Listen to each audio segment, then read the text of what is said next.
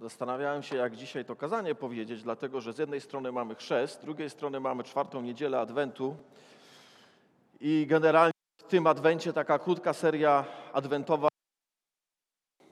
No i znalazłem taki fragment w liście do Hebrajczyków, który z jednej strony będzie dalej adwentowy, ale też jest tam coś o chrzcie, także będzie dla mnie, dla, nie, dla Ciebie też specjalny fragment kazania dzisiaj. Yy, otwórzmy list do Hebrajczyków werset 10 i będziemy czytać od 19 do 31 wersetu. List do Hebrajczyków, 10 rozdział, od 19 do 31 wersetu.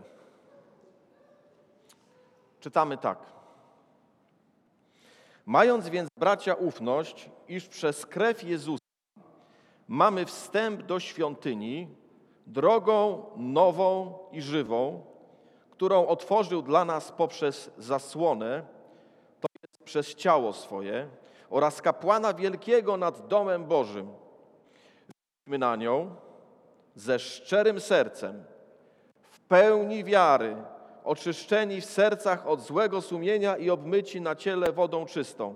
Trzymajmy się niewzruszenie nadziei, którą wyznajemy, bo wierny jest ten, który dał obietnicę i zwracajmy uwagę jedni na drugich, się do miłości i dobrych uczynków, nie opuszczając wspólnych zdań naszych, jak to jest u niektórych w zwyczaju, lecz dodając sobie otuchy. A to tym bardziej, im lepiej widzicie, że się ten dzień przybliża. Bo jeśli otrzymawszy poznanie prawdy, rozmyślnie grzeszymy, nie ma już dla nas ofiary za grzechy lecz tylko straszliwe oczekiwanie sądu i żar ognia, który strawi przeciwników. Kto łamie prawo Mojżesza, ponosi śmierć bez miłosierdzia na podstawie zeznania dwóch albo trzech świadków.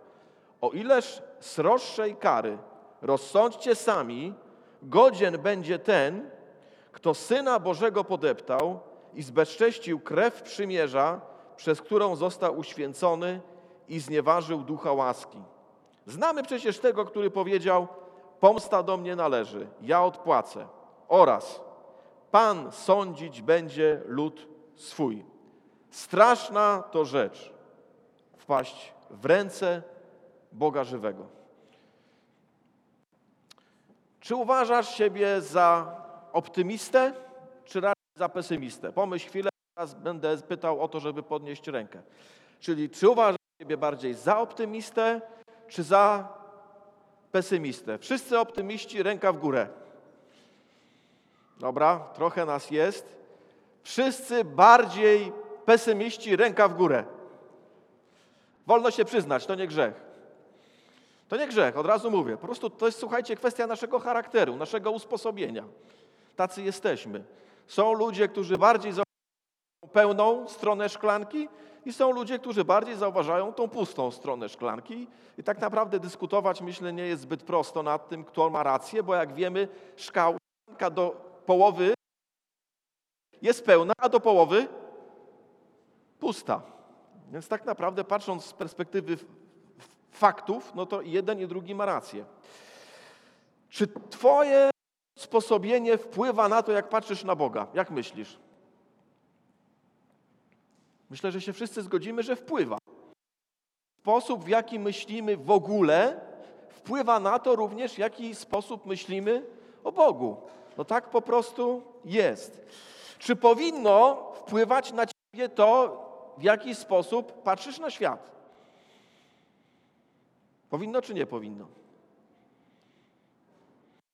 Zgodzimy, że Słowo Boże powinno bardziej. Zgodzicie się ze mną?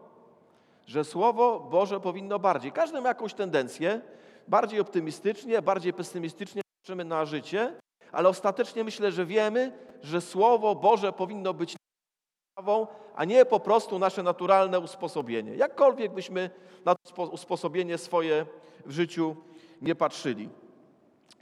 Co jest więc prawdą, a nie tylko uleganiem naszego, naszemu usposobieniu?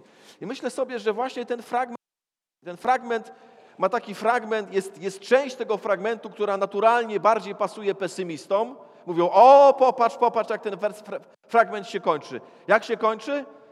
sądem, sprawiedliwością, gniewem Bożym. No tak, tak właśnie sądziłem, że tak to ostatecznie jest. Ale początek jest bardzo zachęcający. I ta druga część naszej sali powie, powie, ale popatrz, jak się ten fragment fajnie zaczyna. Jak się ten fragment dobrze zaczyna. Zachęta, tyle radości, pokoju, wiary, nadziei. No i można powiedzieć, jak ten wniosek, jak, jak ten spór rozstrzygnąć? Bo ewidentnie te dwie części ten fragment posiada. Tą bardziej zachęcającą i tą bardziej przerażającą i taką do bólu, wiecie, pilnującą naszego życia. E, I powiedziałbym tak. Będę mówić o obu częściach, ale chciałbym nas dzisiaj zachęcić do jednej rzeczy, bo tam nie ma symetrii do końca między tymi dwoma częściami. Faktycznie one są, jedna i druga. Jest i zachęta, i ostrzeżenie, ale symetrii nie ma i tą osobą, która tą symetrię niszczy jest Chrystus. Osobą, która sprawia, że nie ma symetrii między tymi dwoma częściami jest Chrystus. I w związku z tym chciałbym, chciałbym Ciebie dzisiaj zachęcić, żebyś miał ufność albo miała ufność w Bożą łaskę większą niż Twoją bojaźń ze względu na Twoje grzechy. Nie dlatego, że bojaźń jest nieprawdziwa, nie dlatego, że grzechy, grzechy, są nieprawdziwe, nie dlatego nawet, że sąd Boży jest nieprawdziwy, ale dlatego, że w Chrystusie i ze względu na Chrystusa powinniśmy mieć większą ufność w to, co zrobił On, niż ten strach, lęk, bojaźń ze względu na nasze grzechy. A więc miej ufność większą niż bojaźń ze względu na Chrystusa, ze względu na Jego łaskę. To jest ta główna myśl, którą bym Wam chciał dzisiaj pozostawić. Ten dziewiętnasty werset rozpoczyna się od słówka więc. Więc oznacza, że coś tutaj z czegoś wynika. Jakbyśmy tak przestudiowali cały list do Hebrajczyków, to jest tak naprawdę to słówko więcej, jest takim głównym zawiasem, który łączy dwie części całego listu ze sobą. Do w zasadzie 10 rozdziału 18 wersetu autor listu do Hebrajczyków przekonuje nas cały czas, że Chrystus jest lepszy niż Stare Przymierze. Uporczywie daje różne argumenty, żeby nas przekonać, że Jezus jest lepszy niż Stare Przymierze. I tak jak Wam już chyba czwarty raz powtarzam, dlaczego? Bo Hebrajczycy, ci Żydzi, do których pisał, nawróceni Żydzi mieli problem, chcieli zostawić Chrystusa i wrócić po prostu w ten judaizm, który Chrystusa odrzucił. Więc przekonuje ich, przekonuje na wiele różnych sposobów. Mówi, że Jezus jest lepszy niż aniołowie, Jezus jest lepszym pośrednikiem, Jezus jest ponad domem Bożym, a Mojżesz tym, który służy w tym domu Bożym.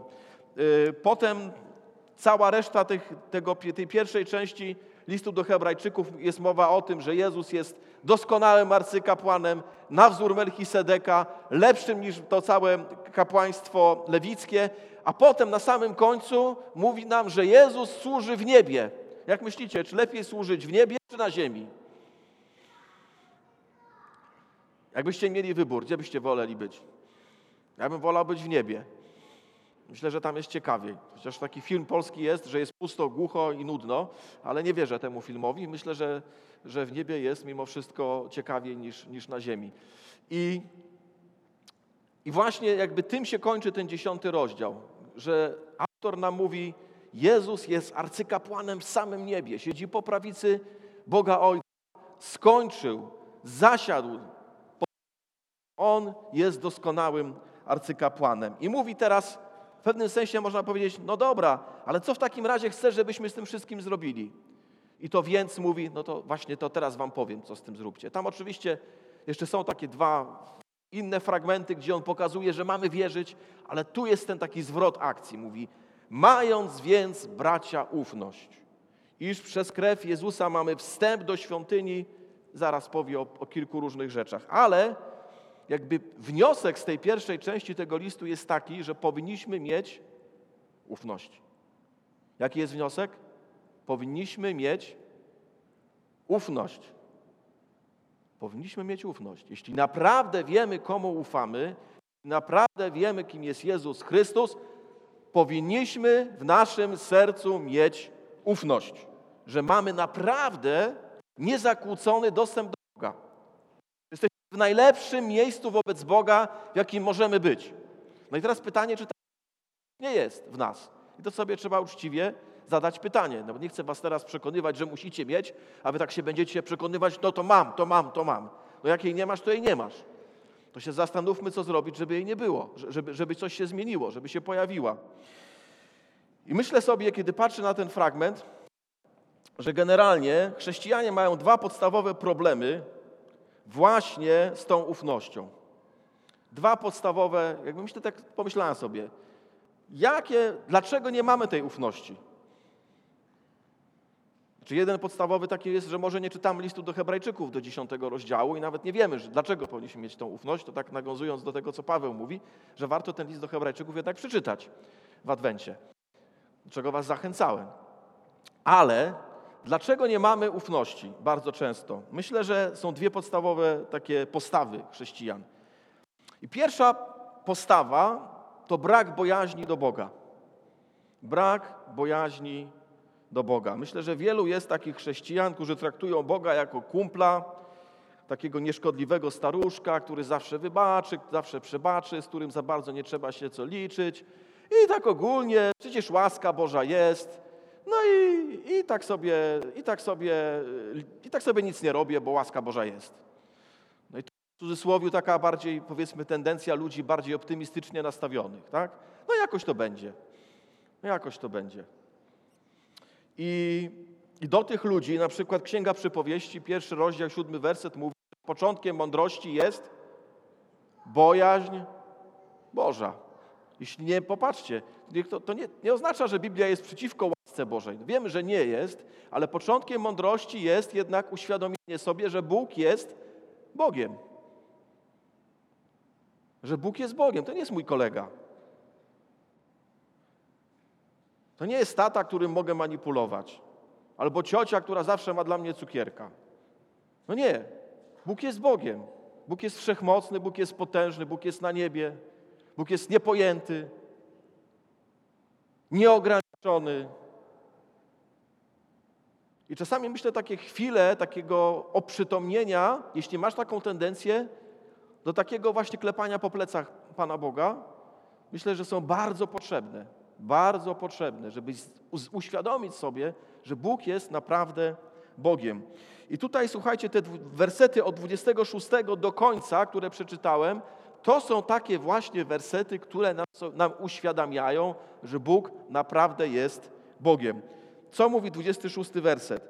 Jeśli otrzymawszy poznanie prawdy, rozmyślnie grzeszymy, i tutaj dodam, nie chodzi o jakikolwiek grzech, jakbyście przeczytali list do Hebrajczyków, to najważniejszym grzechem w liście do Hebrajczyków jest niewiara w Chrystusa. Jakbyście sobie tak zrobili, takie studium możecie sobie zrobić. Kiedy on mówi o grzechu, zazwyczaj chodzi mu o grzech niewiary w Chrystusa. Więc jeśli otrzymawszy poznanie prawdy, innymi słowy, jeśli rozumiemy Ewangelię, rozumiemy o co chodzi, po co Chrystus przyszedł, rozmyślnie grzeszymy w domyśle niewiarą, lekceważeniem, omijaniem tego, no to co?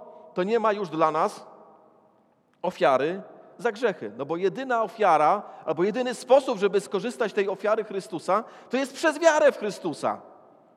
No ale jak ktoś tak sobie myśli, e, jakoś to będzie, nie muszę, no to autor do listu do Hebrajczyków mówi, nie wiesz, co mówisz. Nie wiesz, co mówisz. Ten twój optymizm albo lekkomyślność ciebie zwodzi. Mówi przeciwnie. Jeśli lekceważysz to Boże rozwiązanie, tą Bożą Ewangelię, 27 werset mówi bardzo wyraźnie, aż do bólu wyraźnie. Mówi, na co możesz liczyć? Na straszliwe oczekiwanie sądu i żar ognia, który strawi przeciwników. My w to nie wierzymy dzisiaj, bo dzisiaj się w piekło nie wierzy. Dzisiaj się nie wierzy w karę wieczną, bo to jest takie wszystko passe, bo to tak nie wolno mówić, bo to nie wolno straszyć, bo to jest okropne, to jest bawcze, bo to jest w ogóle tak jakieś fanatyczne, sekciarskie. No ale jest ten fragment w Biblii, no to co? To chyba trzeba by go czytać, przynajmniej raz na jakiś czas. Poza Chrystusem możesz liczyć właśnie na werset 27. Poza Chrystusem, poza Bożym rozwiązaniem, które rzeczywiście jest z łaski dla każdego człowieka, możesz liczyć na werset 27. I nie licz na, optymistycznie na to, że będzie fajniej. Nie widzę przynajmniej takiego miejsca w Biblii, które by mówiło, że poza Chrystusem będzie dobrze. Nie będzie dobrze. Nie będzie dobrze. 27 werset mówi bardzo, bardzo wyraźnie. Dalej 28 i 29 werset mówi: Popatrzcie, mówi do Hebrajczyków, oni znają prawo Mojżesza bardzo dobrze. On mówi: Na jakiej podstawie wydaje się sprawiedliwy wyrok według prawa mojżeszowego? No i oni wiedzą na podstawie dwóch albo trzech świadków. On mówi: A co wy? Oczywiście my jesteśmy w trochę innej sytuacji, ale możemy się zastanawiać, czy rzeczywiście jesteśmy niewinni, jeśli lekceważymy Ewangelię. Mówi, a co wy w takim razie, skoro zlekceważyliście przyjście Syna Bożego i zlekceważyliście zesłanie Ducha Świętego, co powiecie? Jest dwóch świadków?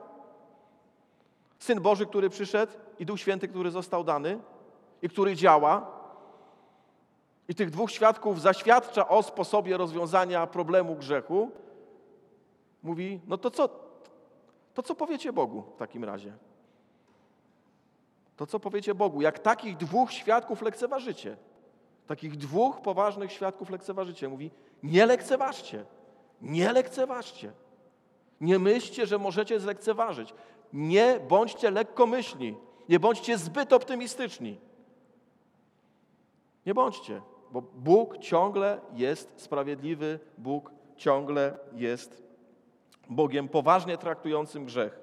I to zakończenie, 30-31 werset, aż mrozi. To jest jeden z chyba z najmocniejszych wersetów odnośnie Bożej sprawiedliwości i sądu w całym Nowym Testamencie.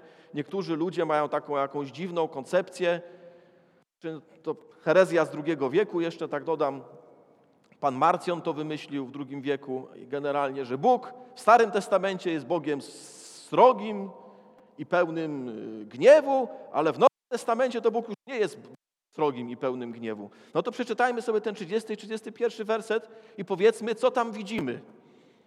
Co tam widzimy w tym 30 i 31 wersecie? Znamy przecież tego, który powiedział: Pomsta do mnie należy, ja odpłacę, oraz Pan sądzić będzie lud swój. I ciągle ten 31 werset wybrzmiewa jako coś poważnego na dziś. Straszna to rzecz wpaść w ręce Boga żywego. Nie brzmi to za optymistycznie. Nie brzmi to za optymistycznie. I myślę sobie, wiecie, to, że Bóg jest Bogiem łaski, bo jest. I zaraz o tym będę przekonywać Was. Za moment Was będę o tym przekonywać, że jest Bogiem łaski.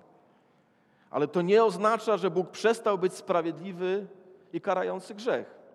Bo gdyby Bóg przestał być sprawiedliwym i karającym grzech, to po co byłby ten krzyż Chrystusa? Przepraszam. No po co? Ktoś musiał zapłacić. Ktoś musiał ponieść winę. Chrystus przyszedł dlatego, że ktoś tą sprawiedliwość Bożą musiał usatysfakcjonować. I dlatego przyszedł Chrystus. Dlatego, że Bóg nie przestał być sprawiedliwym, będąc Bogiem łaskawym. Ale słuchajcie, jeśli lekceważymy tą Bożą sprawiedliwość, to też lekceważymy krzyż Chrystusa. No bo sobie myślimy, a tam, a tam, Bóg jest łaskawy, koniec, kropka, nie wnikajmy, żyjmy swoim życiem. No ale tak to nie działa. Tak to nie działa. Bóg rzeczywiście jest Bogiem łaskawym, ale nie przestał być sprawiedliwy i karający. Bóg łaski nie jest też Bogiem popłaczającym. Innymi słowy, nie jest Bogiem bez zasad. Nie, Bóg ma swoje zasady i pilnuje tych swoich zasad. A Bożą podstawową zasadą jest to, że zbawienie jest gdzie? W Chrystusie. To jest Boża podstawowa zasada. Zbawienie jest w Chrystusie. Nie ma zbawienia poza Chrystusem. O tym cały list do Hebrajczyków od początku do końca, a nie tylko list do Hebrajczyków, mówi bardzo, bardzo wyraźnie. A więc Bóg jest miłosierny w Jezusie Chrystusie. O tym powinniśmy pamiętać i nie powinniśmy myśleć, że jakoś to będzie inaczej. No, nie widzę podstaw biblijnych, żeby twierdzić, że jakoś to będzie, jeśli nie skorzystamy z tego Bożego ratunku, który jest w Jezusie Chrystusie. I to jest ta pierwsza tendencja, że nie, czasami niektórzy chrześcijanie tak zbyt, zbyt luzacko podchodzą do tych Bożych zasad. Ale druga zasada, i chciałbym dzisiaj do tych ludzi też teraz skierować, do tych pesymistów, którzy podnieśli rękę jako pesymiści. Myślę sobie, że często wielu chrześcijanom brakuje takiej nadziei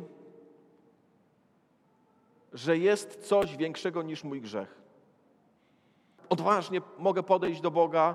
No z czego wynika? Z tego, że ta, ten realizm mojego grzechu jakby jest do, dla mnie bardziej przemawiający niż to Boże rozwiązanie, które Bóg daje. A więc traktowanie siebie jako takiego beznadziejnego przypadku, brak ufności w Bożą dobroć, Bożą miłość, no bo gdzie? Przecież ja nie zasługuję. No i prawdą jest, że nie zasługujesz. To jest prawdą. Nie zasługujesz. Chrystus zmarł za dobrych i sprawiedliwych, czy za grzesznych i zepsutych? No warto sobie to pytanie zadać.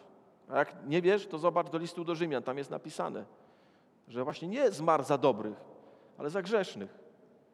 Kiedy jeszcze byliśmy grzesznikami, co zrobił Chrystus? Za nas umarł. Kiedy jeszcze byliśmy grzesznikami, nie zasługiwaliśmy na to, a On okazał nam swoją miłość. A więc ja bym powiedział tak, rzeczywiście yy, szanuję ten realizm, też go czasami odczuwam, kiedy grzeszę i sobie myślę, no jak to jest możliwe, żeby Bóg nie kochał? No dziwne to jest. No ciężko w to uwierzyć. No czemu miałby mnie kochać? No i rzeczywiście tak na, taką ludzką logikę, no jak, no czemu miałby mnie kochać? No, no dlaczego? I takie, tacy ludzie czasami mają sympatię dla tych optymistów i tak nawet może z podziwem patrzą, że o, oni tak potrafią jakoś tak widzieć tą łaskę. Ja nie potrafię tej Bożej łaski widzieć. E, ale właśnie chciałbym pokazać, że jest rozwiązanie. I tym rozwiązaniem nie jest to, żeby teraz przekonywać, że, nie, że grzechy nie są istotne. Nie, są istotne. W pewnym sensie ci realiści widzą wyraźniej te grzechy i może nawet dobrze, że widzą te grzechy, bo ta bojaźń jest koniecznym początkiem, tak? Co jest początkiem mądrości? Bojaźń Pana. I ta bojaźń Pana się nie pojawi, jeśli nie widzimy, w jakim jesteśmy stanie Chrystusa. Że nie mamy co liczyć na Bożą dobroć bez Chrystusa. To jest bardzo ważne. Ale jeśli się tylko tym zatrzymamy, nie pójdziemy dalej i tej ufności nie zyskamy, no to będziemy pożałowania godni. To będziemy pożałowania godni. I ten fragment przedstawia silne argumenty, właśnie dlaczego jednak mamy tą ufność mieć. I generalnie dziewiętnasty werset mówi, że mamy przez krew Chrystusa wstęp do świątyni. I słuchajcie, o jakiej świątyni on tu mówi w tym dziewiętnastym wersecie? Jak myślicie? Ziemskiej, tej co stała do roku 70, czy jakiejś innej? Do niebiańskiej. Cały list do Hebrajczyków, znowu zachęcam, poczytajcie, jak będziecie czytać, zobaczcie, że cały czas autor mówi: Chrystus jest w niebiańskiej świątyni. O to właśnie chodzi. To jest czymś wyjątkowym. I popatrzcie tylko kilka fragmentów. Ósmy rozdział, pierwszy werset. Główną zaś rzeczą w tym, co mówimy, jest to, że mamy takiego arcykapłana, który usiadł po prawicy tronu majestatu, gdzie? W niebie. W niebie siedzi Chrystus. Dziewiąty rozdział, jedenasty werset. Lecz Chrystus, który się zjawił jako arcykapłan dóbr przyszłych, wszedł przez większy i doskonalszy przybytek, nie ręką zbudowany, to jest nie z tego stworzonego świata pochodzący. Do niestworzonego przybytku, niestworzonej świątyni wszedł Chrystus. Yy, wszedł raz na zawsze do świątyni nie z krwią kozłów i cielców, ale własną swoją krwią dokonawszy wiecznego odkupienia. I 24 werset. Albowiem Chrystus nie wszedł do świątyni zbudowanej rękami, która jest odbiciem prawdziwej, ale do samego nieba, aby się wstawiać teraz za nami przed obliczem Boga. No i ktoś może powiedzieć, no dobra, rozumiem, wierzę, przyjmuję wiarą, że Chrystus jest w niebie, no ale jaki to ma mieć przełożenie na mnie, skoro ja w tym niebie dzisiaj nie jestem? Jest też taki fragment w liście do Efezjan, gdzie jest powiedziane, że wespół z Chrystusem posadził w okręgach niebieskich. Nieraz się zastanawiałem, no dobra, jestem posadzony z Chrystusem w okręgach niebieskich, ale co ja mam z tym zrobić, skoro ja tego w ogóle nie czuję? Nie wiem, czy wy czujecie to, że siedzicie w okręgach niebieskich z Chrystusem. No, mi jakoś tak ciężko to przychodzi. Jakoś tak chciałbym jakoś to poczuć, ale no, nie wiem, jak to zrobić za bardzo. Cieszę się z tego, ale no nie jest to proste. Pozwolę sobie na jakieś kilka myśli tutaj wskazać. Trochę z tego fragmentu, a trochę innych. Pierwsza rzecz, nie wiem czy wiecie, może otwórzmy Mateusza, 20, Mateusza 18 rozdział i werset 10. Mateusza 18 rozdział i werset 10. Bardzo ciekawy fragment. Mateusza 18, 10. Tu jest mowa o tym, żeby nauczyciele szanowali wszystkich, czy pasterze szanowali wszystkich ludzi w kościele. I jak tu jest powiedziane? Baczcie, czyli zwrócajcie uwagę, abyście nie gardzili żadnym z tych małych, bo powiadam wam, uwaga, że aniołowie ich, czyli tych małych, w niebie ustawicznie patrzą na oblicze Ojca mojego, który jest w niebie. Co z tego wynika? Z tego wynika, że nawet najmniejszy, najbardziej pokorny chrześcijanin ma swojego anioła, który patrzy na oblicze Boże w niebie. Tak czy nie? No tak by wynikało z tego wersetu. Powiem szczerze, że jak się na tym, do tego kazania przygotowywałem, to tak sobie pomyślałem, czy ja naprawdę wierzę w to, że mam swojego anioła?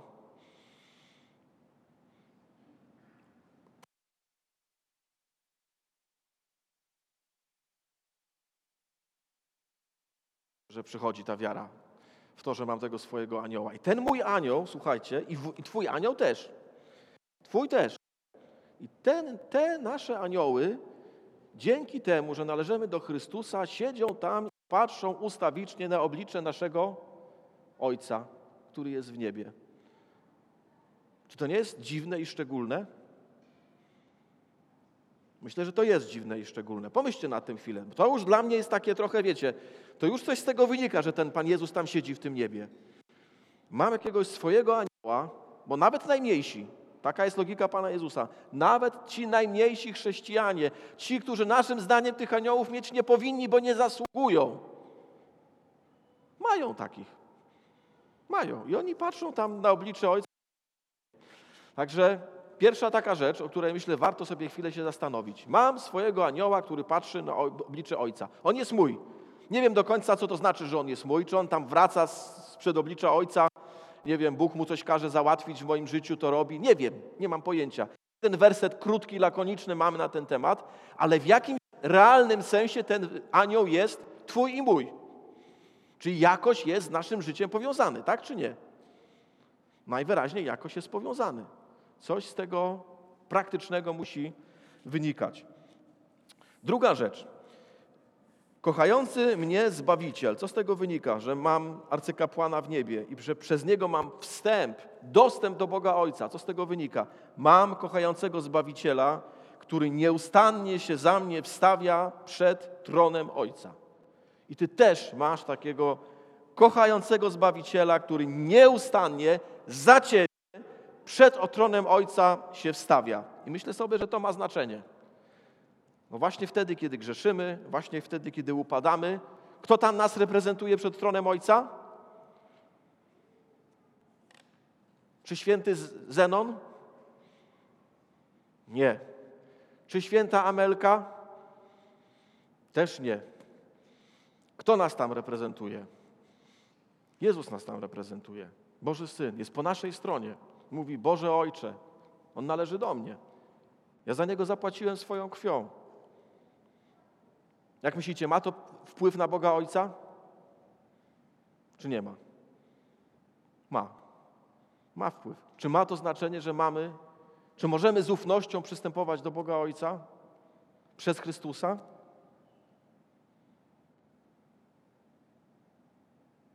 Myślę, że mam nadzieję, że Was przekonuję, że, że możemy.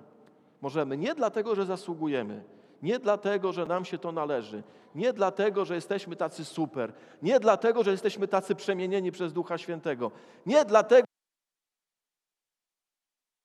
nie no, On to prosto do niego. No nie, dlatego, że mamy arcykapłana, doskonałego, wspaniałego, łaskawego, kochającego, ofiarnego arcykapłana i na niego możemy liczyć. Moje grzechy, dopóki On tam jest, są na zawsze odkupione, na zawsze są pokryte Jego doskonałą krwią. To, co mówi ten dziewiętnasty werset. Przez krew Jezusa mamy wejście, tak? Nie przez własne zasługi, nie przez to, jak wspaniale współuczestniczymy w dziele uświęcenia z Duchem Świętym. No nie przez to. Chociaż wiadomo, że dobrze by było, żeby to działało. Ale przez co? Przez krew Jezusa. Przez krew Jezusa mamy wejście przed Boży tron. Nie wiem, czy Cię przekonałem do ufności, ale chciałbym Cię zachęcić do tego. Jeśli Ci brakuje tej ufności, to nie patrz na siebie, bo patrząc na siebie tej ufności nie zyskasz. Patrz na Chrystusa. Spróbuj się przekonać przez osobę Chrystusa do tego, ze względu na Chrystusa mogę wchodzić w tą Bożą obecność, przed ten Boży tron łaski. I mam nadzieję, mam nadzieję, że będziesz na tyle pamiętać, kim ten Chrystus jest, żeby ta odwaga, żeby ta ufność w Twoim sercu się pojawiła. A więc miej więcej ufności niż bojaźni, sceptycyzmu, świadomości grzechu ze względu na Chrystusa. Tylko ze względu na Niego, nie ze względu na samego siebie. I mam nadzieję, że ten Twój realizm też w tym momencie zauważa to, kim jest Jezus Chrystus. I dalej mamy wyjaśnienie od 20 do 21 wersetu, dlaczego tak jest. Mamy drogę nową, żywą, którą Chrystus otworzył. To nie jest coś znowu, co myśmy zrobili, to nie jest coś, co myśmy przygotowali, to nie jest coś, co my sobie jakoś sami, nie wiem, wymyśliliśmy. Nie. To wszystko jest dzięki Chrystusowi, dzięki temu, co On zrobił. I teraz, jak ta ufność w praktyce ma się wyrazić? 22 werset. Wejdźmy na nią ze szczerym sercem, w pełni wiary. Na czym ta moja odwaga ma się wyrazić? ta ufność w czym się ma wyrazić, żeby wejść na tą drogę, żeby jakby stawać przed Bogiem w pełni wiary i ze szczerym sercem. Innymi słowy powiedziałbym tak, chodzi o modlitwę. Chodzi o szczególnego rodzaju modlitwę. Nie wiem, jak się modlisz, nie wiem, jak Twoja modlitwa wygląda, jakie są Twoje modlitwy. Myślę, że nigdy nie zaszkodzi, powinniśmy rozpoczynać od wyznania grzechów, od przeproszenia Boga za to, że nam nie wychodzą pewne rzeczy w życiu, ale jeśli tylko na tym się zatrzymujemy, to trochę jakby można powiedzieć, ta modlitwa jest niedokończona, bo ten fragment nas uczy do tego, żebyśmy weszli z ufnością, ze szczerym sercem i w pełni wiary, oczyszczeni w sercach od złego sumienia i obmyci na ciele wodą czystą. Innymi słowy, ze względu na to, kim jest Chrystus, chciałbym Ciebie zachęcić, żebyś się nie bał odważnie przychodzić do Boga. Boże Ojcze, wiem, że jestem grzeszny, ale mam Chrystusa, mojego arcykapłana. Wiem, zasługuję, ale idę z radością i wierzę w to, że jestem Twoim dzieckiem. Z wdzięcznością, spokojem, z uwielbieniem w sercu. Dlaczego to wszystko robię? Bo Chrystus przez swoją krew nową, żywą drogę dla mnie otworzył. Mogę to robić z nadzieją, z ufnością, z odwagą? Mogę. Mogę. Chciałbym nas do tego zachęcić, żebyśmy nie byli takimi przytłumionymi cały czas przez grzech chrześcijanami. Grzech jest prawdziwy, ale łaska Chrystusa jest prawdziwsza. Grzech jest mocny, ale łaska Chrystusa jest mocniejsza. I chciałbym, żebyśmy w tej naszej modlitwie choćby właśnie wyrażali prawdę Ewangelii, że to, co dokonał Chrystus, jest mocniejsze od tego, z czym sobie musi w nas poradzić. Y, druga rzecz, 23 werset. Trzymajmy się niewzruszenie nadziei, którą wyznajemy, bo wierny jest ten, który dał obietnicę. Nie bój się przyszłości. Możemy się trzymać niewzruszenie nadziei. Dlaczego? Bo wierny jest ten, który nam obietnicę złożył. Innymi słowy, możemy oczekiwać z nadzieją, bez wahania na to, co się dzieje. Potem mamy jedenasty rozdział, pierwszy werset tego rozdziału, gdzie jest powiedziane: Wiara jest pewnością tego, czego się spodziewamy. Innymi słowy, możemy, możemy patrzeć w przyszłość ze względu na Boże obietnice z nadzieją. Ja sobie to trochę tak wyobrażam, nie wiem, czy kiedyś byliście w takiej całkowitej mgle, na przykład w górach. Ja kiedyś byłem w takiej całkowitej mgle, że tak powiedzmy z pół metra widziałem, no może metr widziałem, ale nie więcej. I teraz tak sobie to wyobrażam. Nigdy tego nie przeżyłem, ale tak to sobie wyobrażam, że rzucam linę gdzieś w tą mgłę, ktoś ją tam łapie i mówi ciągnij. I ciągnę. Widzę, kto trzyma tą, tą linę? Nie widzę. Ale czuję to, że ktoś mnie ciągnie? Że tam coś wiecie, że to tam ktoś mocno trzyma ręką, no czuję. I trochę tak samo jest z przyszłością. Nie wiemy tak naprawdę, gdzie idziemy. Wiara sprawia, że wiemy, bo nie widzimy tego, bo jesteśmy w mgle, nie widzimy przyszłości. Ale Bóg nam pewne rzeczy obiecał i Bóg mówi, możesz być pewny tego, co się wydarzy w przyszłości. Możesz być pewny, że ja znam koniec historii. Ja wiem, co się wydarzy. Możesz mi zaufać. I o tym ten mówi ten werset. Trzymajmy się niewzruszenia nadziei. Bez wzruszenia, bez obaw, bez wątpliwości. Dlaczego? Dlatego, że wierny jest ten, który dał obietnicę. I to jest ta nasza ufność w praktyce. I w końcu trzecia rzecz, bardzo praktyczna, 24 werset. Miłość. Baczmy jedni dru- na drugich w celu pobudzenia się do miłości i dobrych uczynków. Nie żyj sam dla siebie. Nie żyj sam dla siebie, ale raczej miej w swoim sercu miłość do ludzi, miłość do Kościoła. Yy, takie trochę kłamstwo jest, myślę, popularne dzisiaj, że przychodzimy do Kościoła dla siebie. Że przychodzę do Kościoła, bo jestem zbudowany, bo jest ciekawie, bo są fajne pieśni. I nie mówię, że, że to jest złe. Dobrze jest, jak są fajne pieśni, jak jest dobre kazanie, jak spotkam się z ludźmi, których lubię.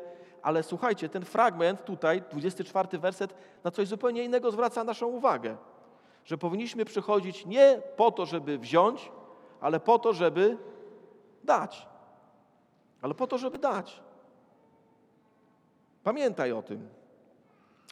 Bądź w kościele nie tylko dla siebie, ale przychodź, aby służyć. Przychodź, aby służyć. Baczcie jedni na drugich w celu pobudzenia się do miłości i dobrych uczynków. Co to jest? To jest troska. Troska. Możemy sobie nawzajem służyć, możemy być dla siebie. Mamy dodawać sobie otuchy. Im bardziej widzimy, że powrót Chrystusa się przybliża. I tego się nie da zrobić, jeśli nie będziemy razem w kościele. No po prostu się nie da. Dlatego myślę, że to jest taka ciekawa rzecz. My dzisiaj myślimy, no ja pójdę, jak coś skorzystam. Pójdź, żeby coś dać. I zobaczysz, że jak zaczniesz dawać, to może coś ci się w sercu odblokuje i zacznie bardziej ci podobać się też to, co możesz wziąć. Ale miejmy takie, taką i inną, inne spojrzenie. Spojrzenie na to, co możemy od siebie dać. I w końcu słowo dla Daniela, 22 werset. Myślę, że to obmycie na ciele wodą czystą jest jakimś odniesieniem do chrztu. I e, pewna aluzja do chrztu, że no oni gdzieś tam ten chrzest przecież doświadczyli. To są ludzie, a, a, ci adresaci listu do, do Hebrajczyków to są ludzie, którzy już ileś tam lat są wierzący. I on się odwołuje do tego początku ich życia duchowego, tego chrztu. I myślę sobie, że taka lekcja, którą możesz ty wyciągnąć z tego, pamiętaj o tym dniu dzisiejszym w swoim życiu.